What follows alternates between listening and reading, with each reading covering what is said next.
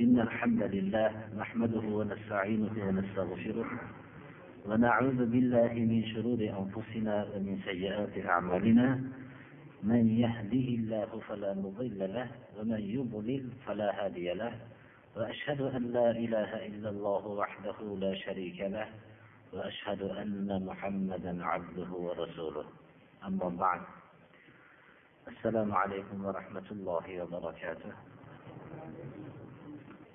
Navbatdagi darsimizni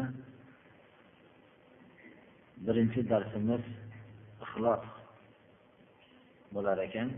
Ikkinchi darsimiz al hubbu fillah val bug'du fillah darsi bo'lar ekan.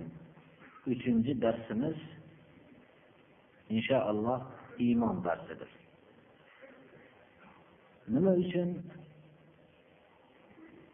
go'yoki darsimizning avvali iymon darsi bo'ladi chunki alloh subhanahu va taolo rasululloh sollallohu alayhi vasallamga xitob qilib قل ما يعبأ بكم ربي لولا دعاؤكم فقد كذبتم فسوف يكون لزاما ayting ey muhammad alayhissalom kishilarga robbim sizlarni e'tiborga olmaydi. Agar ay iymonukum iymoninglar bo'lmasa robbim sizlarni mutlaqo e'tiborga olmaydi deb ayting. Demak biz bandalar alloh subhanahu va taoloning e'tiboriga iymon sababli kiramiz. Agar bu iymon bo'lmaydigan bo'lsa allohning e'tiboridan chiqamiz. Agar iymon bo'lmasa kofirlar bizdan ko'ra davlatdan kofirlar ko'p. Agar insonning e'tibori dunyoviy ziynat boshqa narsalar bilan bo'lsa musulmonlardan ko'ra xususan kufr diyorlarda kofirlarning bu narsada ustun ekanligi ma'lumdir. Lekin alloh subhanahu va taolo janobi rasululloh sollallohu alayhi vasallam va u kishining atroflariga yig'ilgan ashoblarga va tamomiy qiyomatdagi bu kishining yo'llarini ushlagan iymonli kishilarga muqobillarida rasululloh sollallohu alayhi vasallam va ashoblarning muqobillaridagi makka mushriklari madinadagi munofiqlar va atrofdagi boshqa hukmdorlikdagi kofirlar hamma sohada baland edi. Tayyorgarlikda baland edi. Dunyoda baland edi. Har bir sohada baland edi. Lekin alloh subhanahu va taolo ashobi rasululloh sollallohu alayhi vasallamga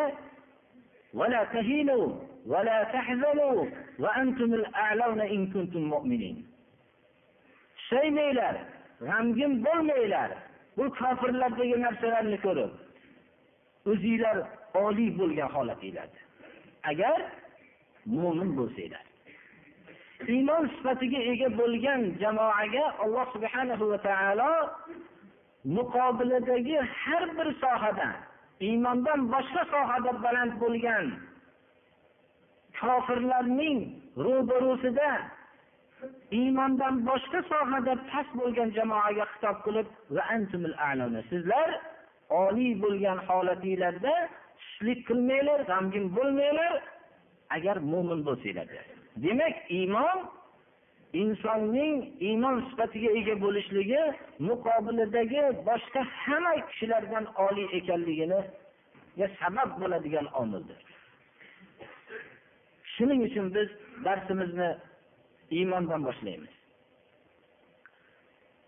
Darsimizni shuning uchun ham iymondan boshlaymizki bu mavzu nihoyatda mo'tabar bir mavzu bo'lganligi uchun rasululloh sollallohu alayhi vasallamning huzurlariga umar ibn hattob roziyallohu anhu rivoyat qiladilarki shu iymon masalasini o'rgatishlik uchun muqarrab farishtalardan bo'lgan jibril alayhissalom kishi suratida kelib ashoblariga bevosita jibril alayhissalom o'rgatdilar.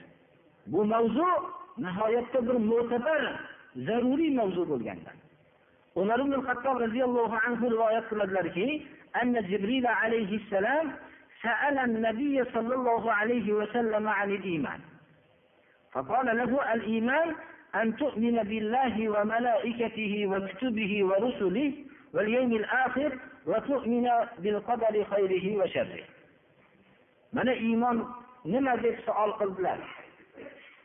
Jibril alayhissalom ya'ni iymon haqida kishining bilishligi shu darajada zarur ekanligini bildirishlik uchun alloh subhanahu va taolo jibril alayhissalom tamomiy bashariyatga jo'natilingan payg'ambarlarga vahiy olib kelgan kishining iymon haqida so'rabdi rasululloh sollallohu alayhi vasallam bunga javob qildilar shuning uchun ham biz darsimizni iymondan boshlaymiz. Darsimizning iymondan boshlashligimizning sabablaridan yana biri. Rasululloh sollallohu alayhi vasallam ashoblarni tarbiya qilishlikda avval iymon bilan tarbiya qildilar. Va bu iymonga nusratni va'da qildilar. O'zlari tarafidan emas alloh subhanahu va taolo tarafidan. Haqqon alayna munjil mu'minin. Alloh subhanahu va taolo bizning ustimizdagi haq mo'minlarga najot berish dedi.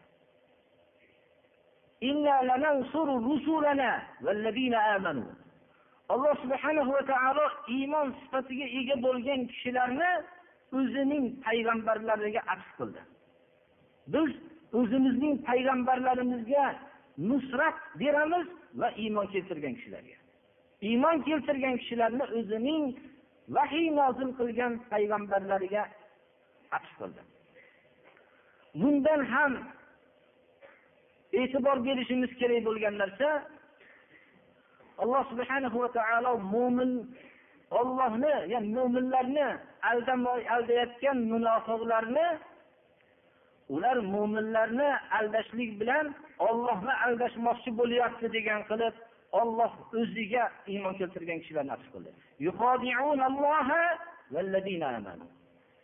Ollohni aldashmoqchi bo'ladi va iymon keltirgan kishilarni. Olloh o'zining o'zining lafzi jalolatiga atf qildi. Va agar iymon sifatiga ega bo'lsak munofiqlar kofirlar mushriklar mutlaqo aldolmasligini ollohning maiyati iymon bilan birga ekanligini mana bu oyatdan bilsak bo'ladi. Shuning uchun ham darsimizni iymondan boshlaymiz. Yana darsimizni iymondan boshlashligimiz hozirgi aytib o'tganimizdek rasululloh sollallohu alayhi vasallam ashoblarni mana shu iymon bilan tarbiya qildi.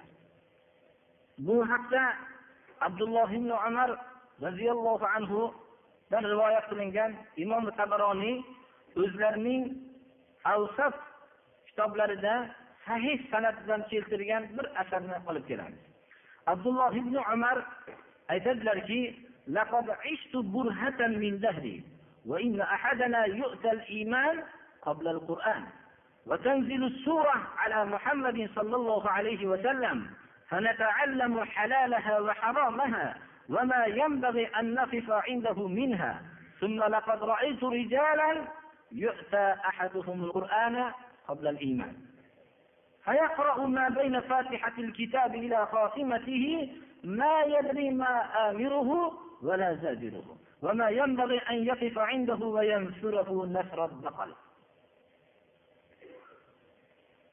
chunki biz iymonni o'rganmasak qur'oni karimning tamomiy hatmi qilishlarimiz qur'onni tamomiy o'qiyotganlarimiz bizga foyda berolmay qoladi bizning hayotimizni o'zgartira olmaydi. Abdulloh ibn umar aytyaptilarki ma'lum bir hayotimning davrida yashadim. Rasululloh sollallohu alayhi vasallamning huzurlarida bittalarimizga qur'onni o'rgatilishlikdan ilgari iymon o'rgatilardi.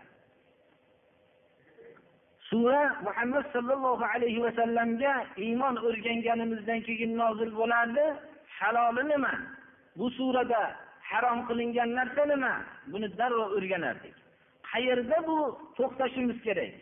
Qayerda bir yurishimiz kerak? Mana bu narsani bizga qur'on bizga ta'lim beradi chunki biz avval iymonni o'rgangan edik. Endi shunday kishilarni ko'rdimki ularning bittalariga iymondan ilgari qur'on bildirilyapti. Surai fotihadan oxirgi suragacha o'qiyapti.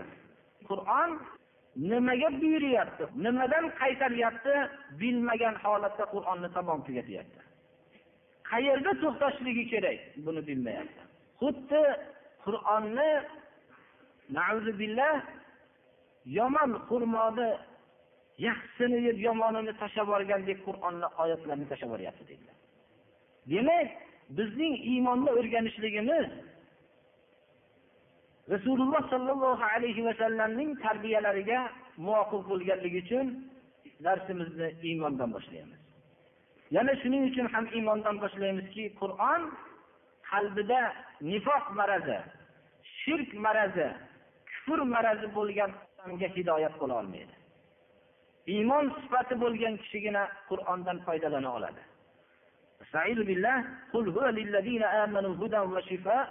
والذين لا يؤمنون في آذانهم وقر وهو عليهم عمى iymon keltirgan kishilarning o'zigagina hidoyat va shifodir iymon keltirgan kishilarning o'zigagina xos hidoyat va shifodir ammo quloqlarida vazminlik bo'lgan kishilar ularga alloh subhanahu va taolo qur'onni hidoyat qilmaydi mana bu haqda biz agar iymonning qisqacha bir tushunmoqchi bo'lsak alloh subhanahu va taoloni rabbim deb islomni dinim deb ya'ni rabbim tarbiyat kunanda alloh subhanahu va taolo deb tan olib ma'budi barhaq deb tan olib islom dinim ya'ni yo'lim deb tan olsa va muhammad sollallohu alayhi vasallam rasul elchi deb tan olishlik bu narsani rozi bo'lib shuni ixtiyor qilgan odam iymonning ta'mini tatiydi. Rasululloh sollallohu alayhi vasallam oldilariga jibril alayhissalom keldilar va iymon haqida so'radilar. So'ragan savollariga payg'ambarimiz sollallohu alayhi vasallam al-iymonu an tu'mina billahi va malaikatihi va kutubihi va rusulihi deb javob qildilar. Alloh subhanahu va taologa bo'lgan iymon ma'nosi nima? Alloh subhanahu va taologa bo'lgan iymon ma'nosining ba'zi bir qismlariga to'xtalib o'tamiz. Alloh subhanahu va taolo yagona haq ma'bud ibodatga faqat ollohgina sazovor boshqa ibodat qilinishlikka yaramaydi. Deb tan olishlik alloh subhanahu va taologa bo'lgan iymonning ma'nolarini bittasidir. Makkadagi va boshqa yer kurrasidagi mushriklar bilan payg'ambarlar o'rtasidagi o'tgan payg'ambarlar bilan ummatlari o'rtasidagi kelishmovchilik alloh subhanahu va taolo payg'ambarlar yagona ma'bud deb yo'lini olib kelishdilar. Ya'ni payg'ambarlar alloh subhanahu va taolo yagona ma'bud deyishdilar. Mushriklar alloh subhanahu va taolodan boshqa ma'budni ham isbot qilishdi mana bu sohada husumat bo'ldi. Husumat yaratuvchi olloh desalar payg'ambarlar ular olloh yaratuvchi emas degan sohada bo'lmadi. Mushriklar ollohni yaratuvchi deb tan olishardi. Mo'minlar albatta alloh subhana va taoloni yaratuvchi deb tan olishadi. Mushriklar alloh subhana va taoloni tarbiya kunanda koinotni tarbiya qilib turadi insonni tarbiya qilib turadi deb tan olishadi. Albatta mo'minlar alloh subhana va taoloni tarbiya kunanda deb tan olishadi. Mo'minlar ollohni rizq beradi deb tan olishgandek mushriklar ham bu sifatni tan olishardi. Olloh o'ldiradi deyishardi mushriklar. Olloh tiriltiradi deyishardi. Ammo mo'minlar bilan mushriklarni o'rtasini ajratib turgan narsa sig'inilishlikda yagona ma'budga mo'minlar sig'inadi boshqa narsadan voz kechishadi ammo mushriklar bo'lsa yagona ma'budga ham sig'inishardi ba'zilar va boshqa ma'budga qo'shib sig'inishardi. Mana bu narsa payg'ambarlar bilan qavmlari o'rtasidagi husumat kelishmovchilik shu sohada bo'ldi agar alloh subhanahu va taologa bir kishi ibodat qilib boshqa narsadan voz kechmasa ya'ni boshqa narsaga ho farishta ho jin ho bir payg'ambar ho bir vali ho bir qabr ho daraxt hoinki tosh oy oftob biror bir narsani qo'shib ibodat qilsa yo olloh bilan o'zini o'rtasida shunday narsalarni vosita qilsa bu kishi mushrik bo'ladi. Alloh subhanahu va taolo buni kechirmaydi. Ollohga iymon keltirishligingiz degan ma'no shuni qisqacha o'z ichiga oladi. Qur'oni karimni oyatlariga murojaat qilar ekanmiz. استعيذ بالله وما أمروا إلا ليعبدوا الله مخلصين له الدين حنفاء faqat ollohni o'zigagina ibodat qilishlik uchun odamlar ma'mur bo'lishgan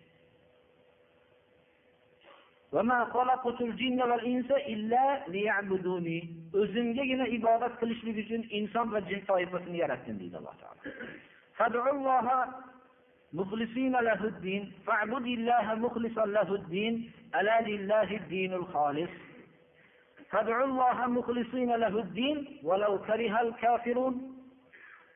bu oyatlar hammasi shuni bildiradiki yakka ollohga ibodat qilishlik ollohga iymon keltirishlikning ma'nosidir.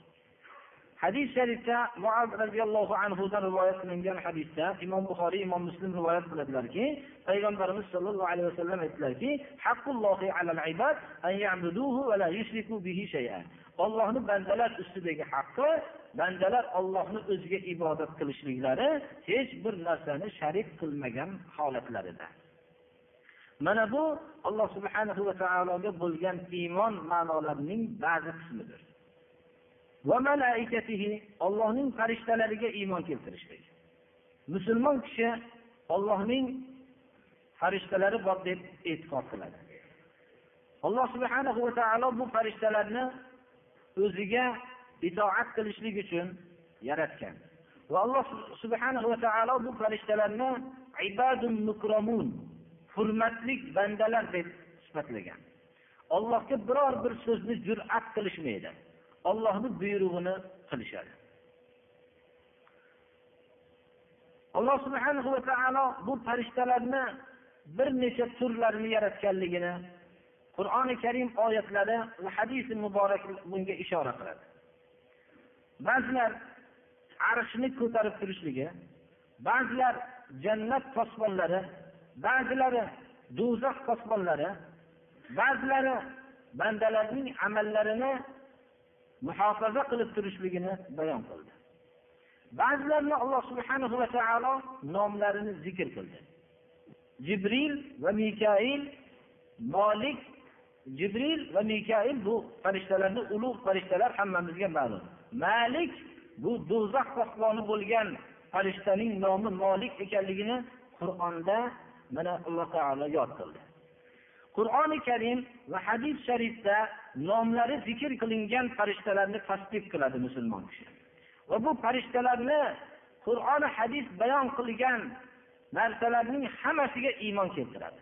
Bu mo'min kishining ollohning farishtalariga iymon keltirishligining ma'nolarni bir qismidir. Hadis sharifda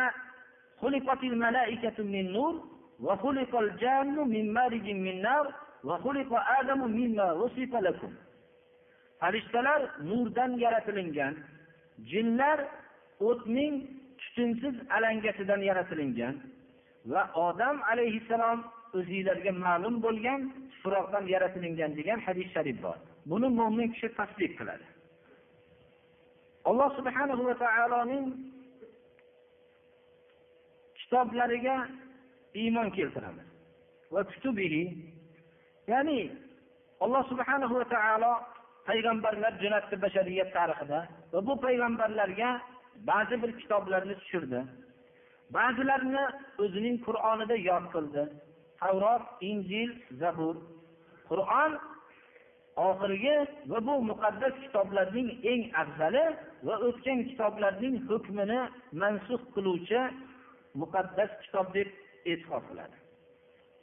Yuqoridagi aytilgan kitoblarni alloh subhanahu va taolo bashariyatga hidoyat rahmat va har bir narsani bayoni qilib va hayotning hukmi qilib tushirganligiga iymon keltiradi. Va o'tgan kitoblarning haqida biror bir tavrot injildan biror kalimalarni keltirilsa olloh tarafidan tushirilgan kitoblarga iymon keltirdik. Deydi boshqa so'zni aytmaydi. Yo yolg'on demaydi biror bir tavrot injildan biror kalimani keltirsa yo rost demaydi. Nima uchun? O'tgan kitoblar hammasi ahli kitoblar tarafidan buzilgan. Qayeri buzilganligi bizga noma'lum. Agar noto'g'ri joyda tasdiqlab qo'ysak bu ham xato bo'ladi. To'g'ri joyda yolg'on deb qo'ysak bu xato bo'ladi. Shuning uchun biz alloh subhanahu va taolo tarafidan o'tgan payg'ambarlarga tushirilgan muqaddas kitoblarga iymon keltiramiz deymiz bas. Qur'oni karim hamma o'tgan kitoblarni mansub qilgan deb e'tiqod qilamiz. Qur'oni karim haqida yana to'xtalib o'tamizki qur'oni karimni oxirgi payg'ambarimiz sollallohu alayhi vasallamga nozil qilindi. Qur'oni karimni bashariyatning saodati uchun tushirdi. Qur'oni karimning hayotning hukmi qilib tushirdi. Qur'oni karimni alloh subhanahu va taolo kim mahkam ushlasa dunyo va oxiratning saodatiga erishadi dedi. Kim qur'onni orqaga tashlasa dunyodagi baxtsizlik va oxiratdagi misli ko'rilmagan badbaxtlikka loyiq bo'ladi. Mana bu xabarlarni hammasini biz tasdiq qilamiz. Qiyomat kuniga bo'lgan iymon. Qiyomat kuniga bo'lgan iymon alloh subhanahu va taolo o'lgandan keyin tirilasizlar deb va tirilgandan keyin hisob berilishligi qiyomatda ahli jannat va ahli do'zaxga bo'linishlik xullas qiyomat haqida alloh subhanahu va taoloning qur'onida va rasululloh sollallohu alayhi vasallamning sahih hadislarida bo'lgan xabarlarni tasdiq qiladi. O'lgandan keyingi qabr imtihoni azobi qabr va ne'mati qabrdagi ne'mat va qiyomat kunida bo'ladigan dahshat va qattiqliklar sirot mezon va hisob jazo va insonlar o'rtasida sahifalari kitoblarni ba'zilar o'ng qo'lidan va ba'zilar orqa yoki chap tarafidan olishlikni mo'min kishi tasdiq qiladi. Mo'min kishi olloh rasuli tarafidan kelgan nafsni qabul qiladi. O'zining aqlini bu nafsga hokim qilmaydi. Mo'tazila toifalari aqlini birinchi o'ringa qo'yishib xato qilib adashishdi. Ular qaysi bir narsa aqllariga to'g'ri kelmasligi bilan inkor qilaverdi. Misol qilib aytganimizda ular mezonni inkor qilishdi. Mezon tarozi o'lchov asbobi. Buni inkor qilishdi. Chunki ular o'zlarining davrida ikkita bir pallasi bor bo'lgan tarozini ko'rishib bu amallar bir moddiy narsamiki u pallaga qo'yilib tortiladigan narsa deb aqllariga bu mezon tarozi esiga aqllariga to'g'ri kelmaganligi uchun mezonni inkor qilishdi.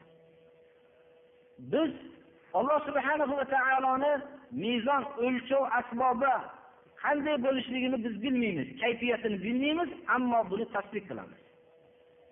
Bir odamning aqliga bir narsa to'g'ri kelmasligi bilan mutlaqo aqlga to'g'ri kelmaydi deyishligi juda katta bir xatodir. Balki ayni beaqllik mabodo bitta bo'lsa shu beaqllikdir.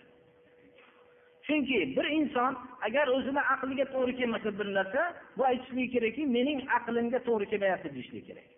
Aqlga to'g'ri kelmaydi degan gapning ma'nosi tamomiy olamdagi aql menga jamlanganda bu aqlga to'g'ri kelmayapti deyishlikdan boshqa gap emas. Davrlar o'tishligi bilan mezon o'lchov asbobi qonning bosimini o'lchash havo bosimini o'lchash bu bir pallaga muhtoj bo'ladi. Har bir narsani alloh subhanahu va taolo biz e'tiqod qilamizki o'lchaydigan asbob yaratib kayfiyati bizga qorong'u qanday kayfiyatda bo'lishligini biz bilmaymiz. Lekin alloh subhanahu va taolo o'lchov asbobini o'zining adolatini ko'rsatishlik uchun bir yaratadiki buni kayfiyati bizga qorong'u qandayligi shu mezonni biz tasdiq qilamiz. Aql kelajak davrda aql ham nafsga o'zi kelishib unab qoladi agar to'g'ri bir hal qiladigan bo'lsak. Qadarga iymon keltiramiz. Ya'ni alloh subhanahu va taolo har bir narsani miqdor bilan yaratdi. Alloh subhanahu va taolo yaxshilikni va yomonlikni yaratdi. Biz qadarga iymon keltiramiz. Qadarga iymon keltirishligimiz bilan birga iymon keltirishlikka ma'mur bo'lgan narsalarga iymon keltiramiz va qilishlikka buyurilgan narsalarni shu bilan birga qilamiz. Misol qilib aytganimizda alloh subhanahu va taolo bizni misol shu o'tirishimizni misol qilsak ittifoq bo'lishlikka buyurdi lekin shu bizlarning ittifoq bo'lmasligimizni olloh agar bilib turgan bo'lsa ham ittifoq bo'lishlikka buyurdi lekin biz qaysinga iymon keltirishligimiz alloh subhanahu va taolo iymon keltirishlikka buyurgan narsaga iymon keltiramiz va shu bilan ittifoq bo'lishlikka buyuryapti deb bu narsani bajarishlikka harakat qilamiz. Har bir narsani biz shunday tushunmoqligimiz kerak. Ya'ni ba'zi narsalarni alloh subhanahu va taolo iymon keltirishlikka buyurdi ba'zi narsalarni bajarishlikka buyurdi. Iymon keltirishlikka buyurgan narsa bilan bajarishlikka buyurgan narsani aralashtirishligimizdan bizda ba'zi narsalarda noto'g'ri tushuncha paydo bo'lib qoladi. Shuning uchun biz alloh subhana va taolo iymon keltirishlikka buyurgan narsalarga iymon keltiramiz. Va bajarishlikka buyurgan narsalarni bajaramiz. Farzandimizni ilm o'qishlikka alloh subhanahu va taolo targ'ib qilishlikka bizni buyurdi. Agarki shu farzandimizni ilm o'qishlikka unamasligini bilsa ham alloh subhanahu va taolo farzand bilsa alloh subhanahu va taolo shuni bizni buyurdiki ilmga targ'ib qilishlikka namoz o'qishlikka targ'ib qilishlikka buyurdi. Agarki shu farzand namoz o'qimasligi muqarrar bo'lsa ham. Mana bu narsani biz hidoyat alloh subhanahu va taoloning o'ziga xos. Lekin bizni alloh subhanahu va taolo buyurishlikka da'vatni yetkazishlikka buyurdi agar hidoyat insonlarning o'zini ixtiyorida bo'lganda hamma o'zi yaxshi ko'rgan kishilarni to'g'ri yo'lga kirgizib olgan bo'lardi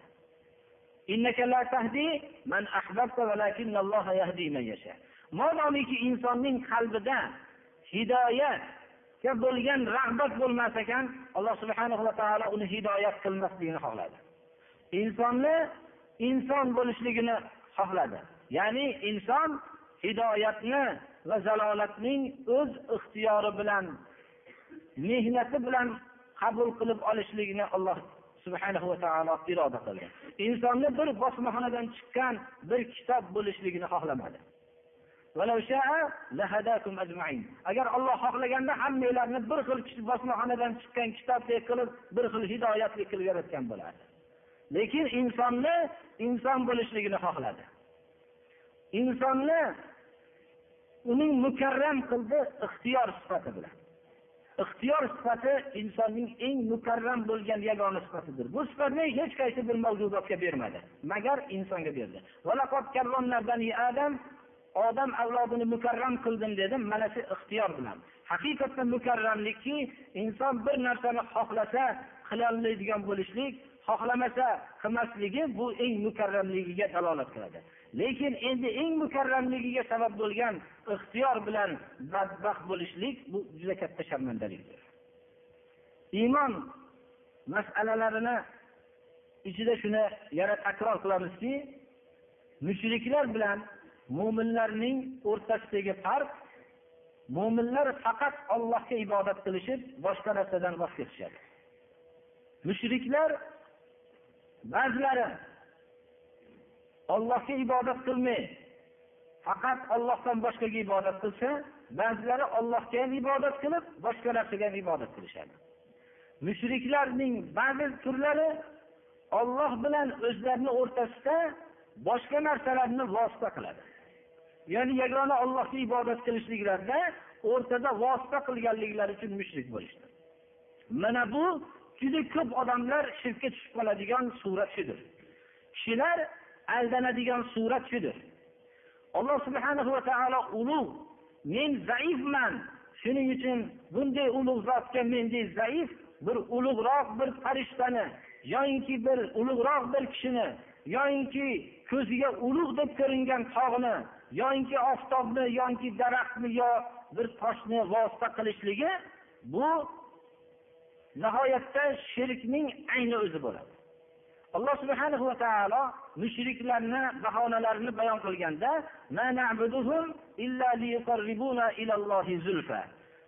nima uchun ibodat qilyapsizlar deganda u mushriklar o'zlari yasab olgan butlarini rizq beradi deyishmasdi.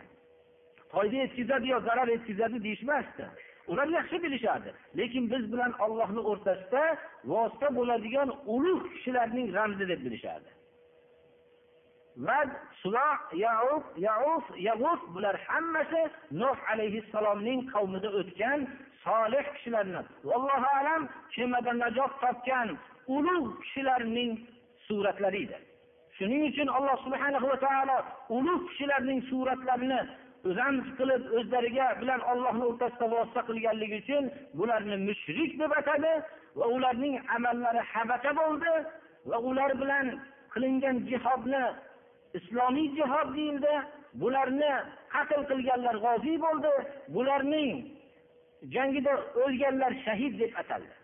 Rasululloh sollallohu alayhi vasallam yigirma uch yil asosiy amallari shu shirk bilan kurashdilar. Shirk ma'nolarining bittasidir hozirgi aytgan nimamiz. Shuning uchun shu soatda biz islomni sindiradigan musulmon kishini islom safidan chiqarib qo'yadigan ba'zi bir narsalarni eslatib o'tamiz. Shirk bilib olishimiz kerakki shirk amali sodir bo'lgan kishining amali habata bo'lishligiga shak shubha yo'q.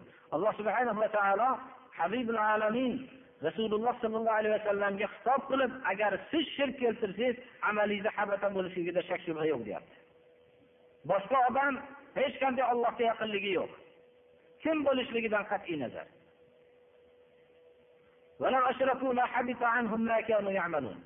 Agar shirk keltirishsa qilgan amallari habata bo'ladi. Islomni safidan chiqarib qo'yuvchi amallarning bittasi mana ollohni ibodatidagi shirk. Alloh subhanahu va taolo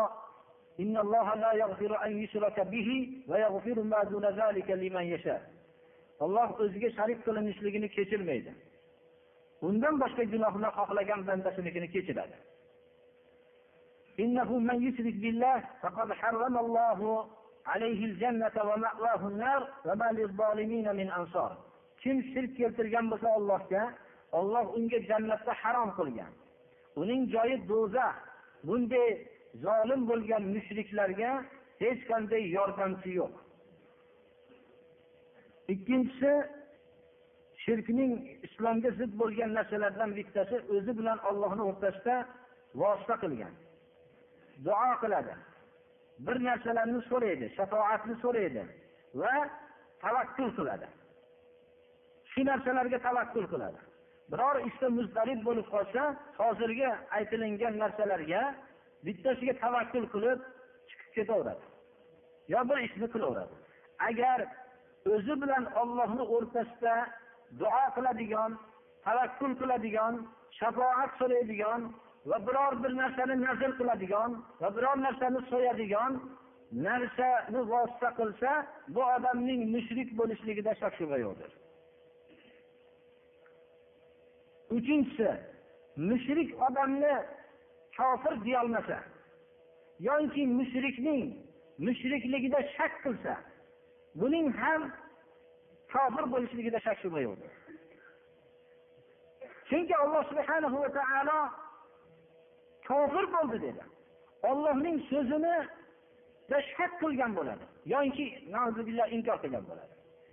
Kofir bo'lgan odamning bir amalni qilsa kofir bo'ladigan bo'lsa shuni muoyanatan ko'rishlik bilan bu odam kofir bo'ldi shu amal bilan deydi.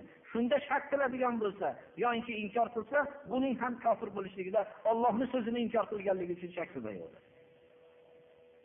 to'rtinchisi payg'ambarimiz sollallohu alayhi vasallamning yo'lidan boshqa yo'l rasululloh sollallohu alayhi vasallamning yo'lidan komilroq desa yoinki rasululloh sollallohu alayhi vasallamdan boshqaning hukmi rasululloh sollallohu alayhi vasallamning hukmidan yaxshiroq desa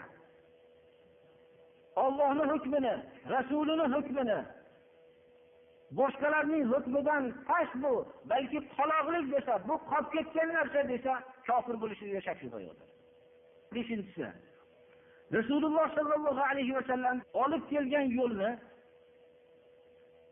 yomon ko'rsa olloh tushirgan narsani yomon ko'rsa kerak ko'rsa buning ham kofir bo'lishligida shak shubha yo'qdir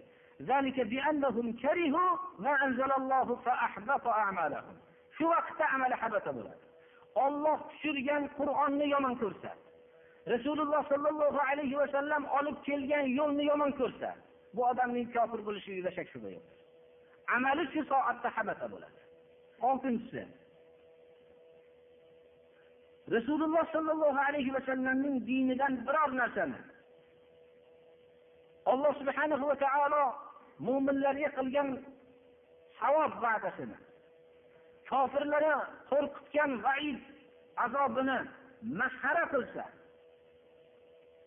ollohni ollohni oyatlarini rasulini masxara qilsa kofir bo'lishligida shak shubha yo'qdir قل أبالله وآياته ورسوله كنتم تستهزئون لا تعتذروا قد كفرتم بعد إيمانكم ollohni ollohni oyatlarini va rasulini masxara qilyapsizlarmi?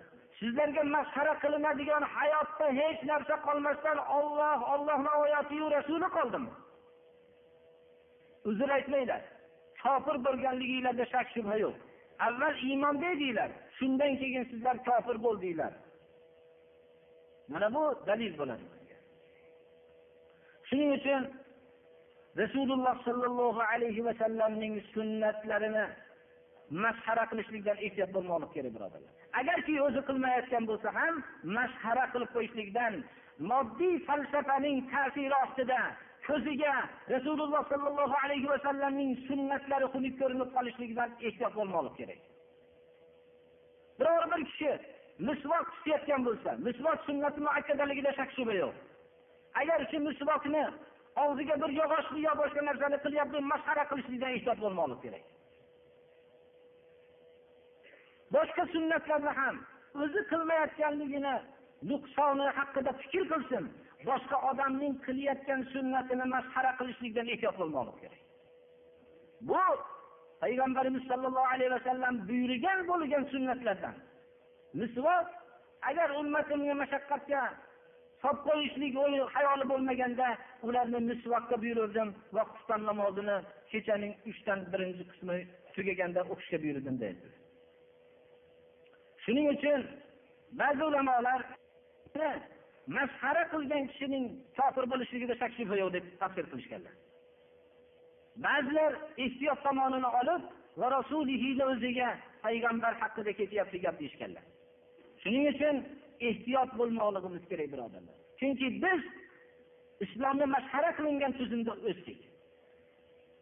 Shuning ta'siri bizda bu zaharning ta'siri bor birodarlar. Shuning uchun payg'ambarimiz sollallohu alayhi vasallamning biz otalarimizda ko'rmagan sunnat yoki boshqa narsani sahih hadislar bilan sobit bo'lgan sunnatni e, masxara qilishlikdan nihoyat darajada ehtiyot bo'lmoqligimiz kerak. O'zi hayotimizning hammasi xatodan tashkil topgan. Biz bunga o'zimizning xatoyimizni hisobga olishligimiz o'zi yetadi.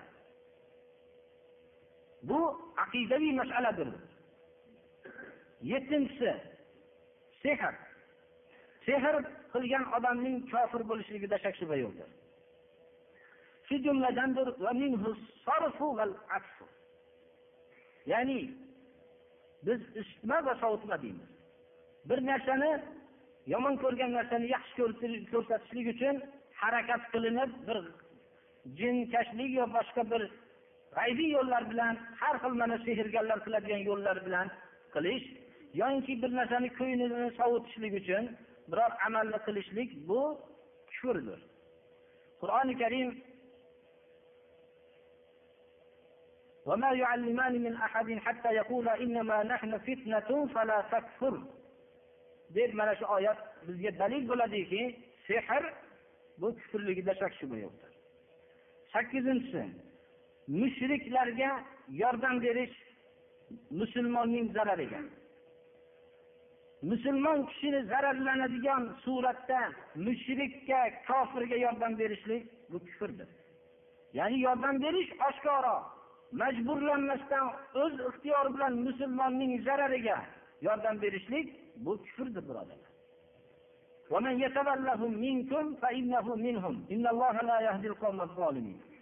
to'qqizinchisi ba'zi kishilarga muhammad alayhissalomning shariatidan chiqish mumkin deb e'tiqod qilsa kofir bo'ladi.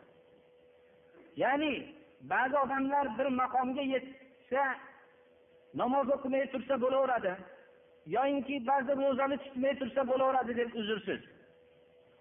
Shunday rasululloh sollallohu alayhi vasallamning shariatidan tashqariga chiqishlik mumkin deb e'tiqod qiladigan bo'lsa ba'zi kishiga nisbatan mumkin desa mana ko'proq umumiy xalqlarni o'rtasida bu kishi yetishgan valiyulloh darajasiga borgan bu kishi endi ba'zi amallarni shariatda hukmlarni qilmasa ham bo'laveradi desa kofir bo'ladi. Rasululloh sollallohu alayhi vasallam eng katta valiyulloh kishilar ashoblar eng katta valiyulloh shular bularning darajasiga hech kim yeta olmaydi. Keyingi kishilar u sahobalarning darajasiga yetolmaydi ularga mumkin bo'lmagan narsa nima uchun bunga mumkin bo'ladi? O'ninchi ollohni dinidan eros qilishlik. Bu islomga ziddir birodarlar. Ollohni dinini esga osolsa bosh tortsa buni alloh subhanahu va taolo mujrim deb ya'ni dinsizlardan deb atayapti. robbining oyatlari esga solinsayu bundan yuz o'girsa bunday mujrimlardan intiqom olamiz. Kimdan alloh subhanahu va taolo intiqom oladi? Albatta dinsiz odamdan intiqom oladi. Shu narsalarni birodarlar hozir islomga insonni islomdan chiqarib qo'yuvchi narsaning o'ntasini gapirib o'tdik. Buni birov hazillashib aytsa ham farqi yo'q. Jiddiy gapirganda ham farqi yo'q. Qo'rqib gapirsa ham farqi yo'q. Lekin mukrah majburlangan kishi mustasnodir. Ammor ibn yosirni hammamiz mana u haqdagi bo'lgan hikoyani va bu haqda nozil bo'lgan oyatni hammamiz bilamiz. Majburlangan majburlanishlikni ma'nosini ham bilib qo'ymoqligimiz kerak. Rasululloh sollallohu alayhi vasallamni dinini masxara qilasan masxara qilmaganlar jazo oladi desa masxara qilsa u mukrah bo'lmaydi. Masxara qilmasang deb zarba berib ko'p kaltaklar yeb behush bo'lib shunday holatga tushgandagina mukrah deyiladi. U hali bo'lmagan narsani majburlangan deyilmaydi birodarlar.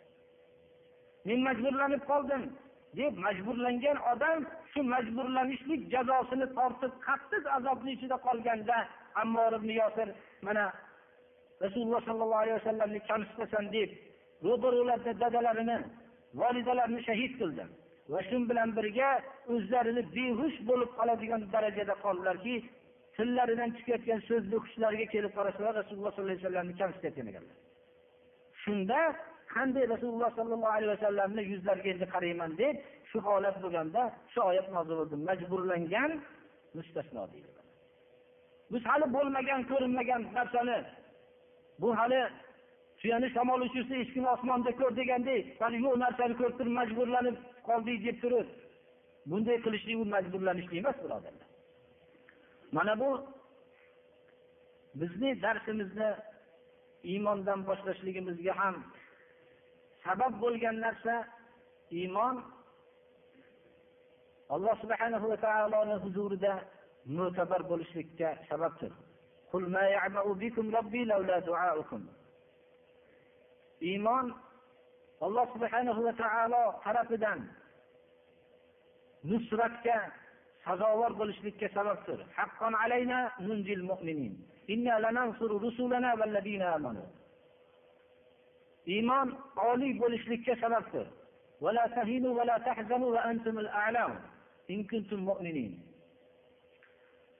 Iymon mo'tabar bo'lganligidan jibril alayhissalom shunday kishi suratida kelib ashoblarning o'rtalarida payg'ambarimiz sollallohu alayhi vasallamdan suol qilib u kishidan javob olib ashoblarga ta'lim berdilar.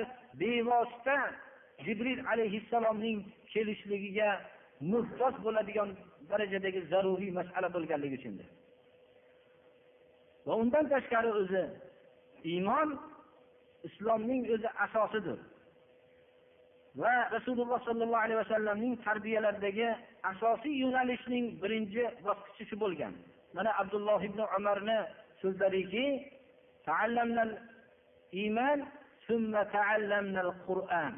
iymonni o'rgandik keyin qur'onni o'rgandik.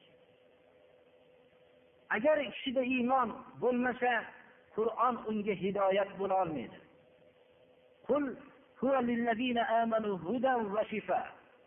qalbidagi nifoq kufr marazlarining shirk marazlariga alloh subhanahu va taolo shifo qiladi qur'onni iymonga ega bo'lgandan keyin. Rasululloh sollallohu alayhi vasallamning ta'limlarini avvali iymon bo'lganligi uchun ham darsimizning ixlos va muhabbat darsidan keyingi darsimiz iymondan bo'lganligini siri shudir vallohu alam qisqacha bo'lsa ham iymon haqida bir tushuntirish bo'lgan deb bilaman وبالله التوفيق وصلى الله تعالى على خير خلقه محمد وآله وأصحابه أجمعين الله سبحانه وتعالى hammamizni qur'oni karimda ya ayyuhallazina amanu aminu billahi ey iymon keltirgan kishilar iymon keltiringlar deganni ma'nosi iymoninglarda ya'ni iymon keltirgan kishi iymonini ziyoda qilishlikka muhtojdir umar ibn abdul aziz aytgan ekanlarki biz aytamizki o'tirishaylik bir choylashaylik deymiz. O'tirishaylik biz otamlashaylik deymiz. Umar ibn abdul aziz aytgan ekanlar bir o'tirishaylik iymonlashaylik degan ekanlar. Ya'ni biz mana u iymon shunday muhim bo'lishi kerakki bir o'tirishlikki hozir bir iymonlashaylik deb alloh subhanahu va taolo hammamizga shu nasib qilsinki bir birovlar bilan o'tirishib faqat bir taom uchun o'tirishmaylik. Faqat bir narsani bir yeyishlik uchun yo biror bir boshqa bir moddiy odamlarni qilayotgan ishlari bilan o'tirishlikdan tashqari birodarlar bir iymonlashishlik uchun ham o'tirishlikni alloh taolo hammamizga nasib qilsin وصلى الله تعالى على خير خلقه محمد وآله وأصحابه أجمعين alloh subhanahu va taolo bizlarga bir iymonni kamolini alloh subhanahu va taolo iymonni halovatini alloh nasib qilsin